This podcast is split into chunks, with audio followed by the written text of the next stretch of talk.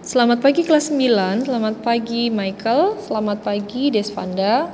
Semoga Desvanda sudah bangun ya, jadi bisa dengerin anchor.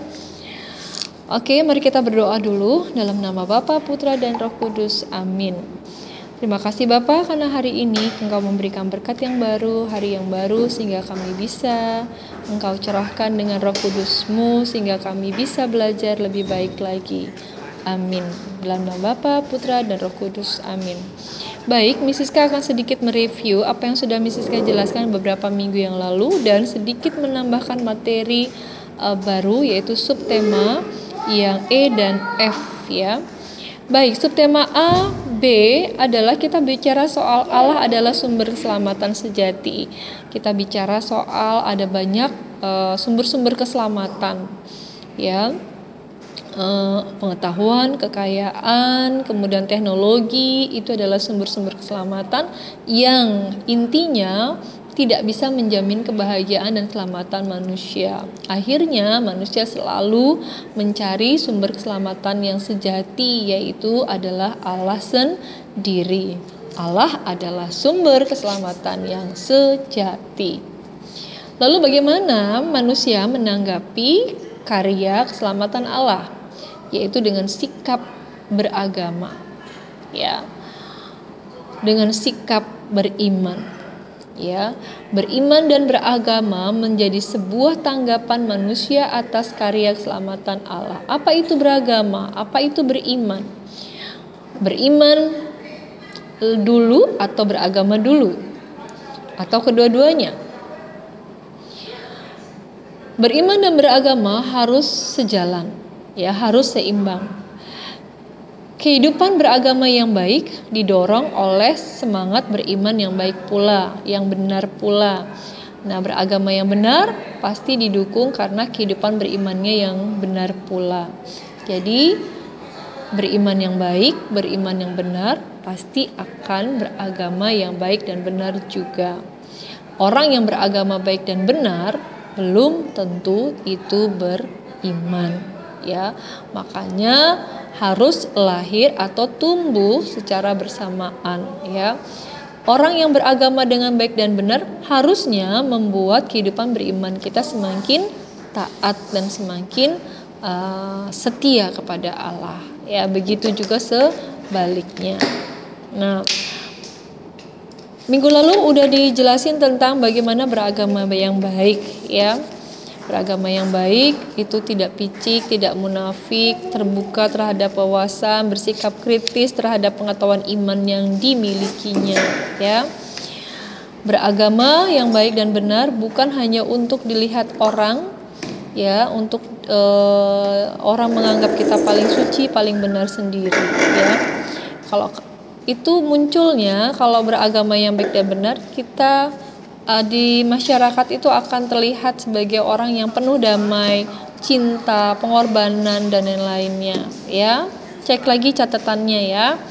Kemudian orang beriman yang baik. Orang beriman yang baik itu didasarkan atas uh, rasa percaya kepada Tuhan yang luar biasa. Ada sikap totalitas dari manusia untuk selalu ingin dekat dengan Tuhan ingin membangun kebersamaan dengan Tuhan. Ya, sungguh-sungguh memasrahkan dirinya kepada penyelenggaraan kasih Tuhan sepanjang hidupnya. Ya, jadi dia nggak berpikir uh, siapa dan apa pun, dia tetap total, ya, berserah total kepada Allah. Itu adalah sikap iman yang baik dan benar. Kemudian bagaimana dengan beriman Kristiani? Nah, beriman Kristiani artinya kita mempercayai Allah secara secara total di dalam diri siapa? Di dalam diri Yesus. Kenapa sih kita harus beriman Kristiani? Kenapa nggak cukup dibilang beriman aja? Ya, karena Yesus adalah Yesus adalah Roh Kudus Allah yang menjadi manusia. Yesus adalah firman yang menjadi daging sehingga kita sering kali menyebut Tuhan Yesus adalah Yesus Kristus. Nah, pengikut Kristus itu disebut Kristiani, ya. orang-orang Kristiani. Maka kita disebut sebagai orang-orang yang memiliki iman Kristiani atau iman Kristen, ya. Kristen ini diambil dari kata Kristus. Kristus itu artinya uh, Kristus itu artinya kemenangan, ya.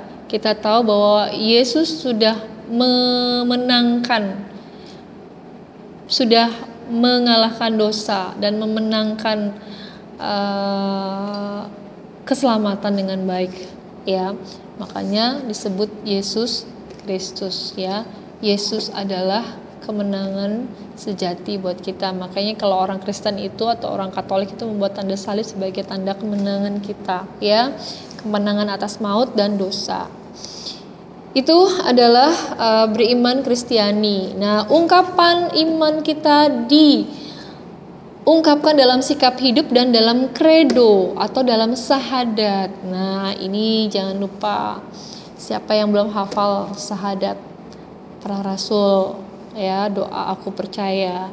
Nah, orang Katolik ini wajib harus hafal. Nah, biasanya waktu komuni pertama ini harus hafal ya.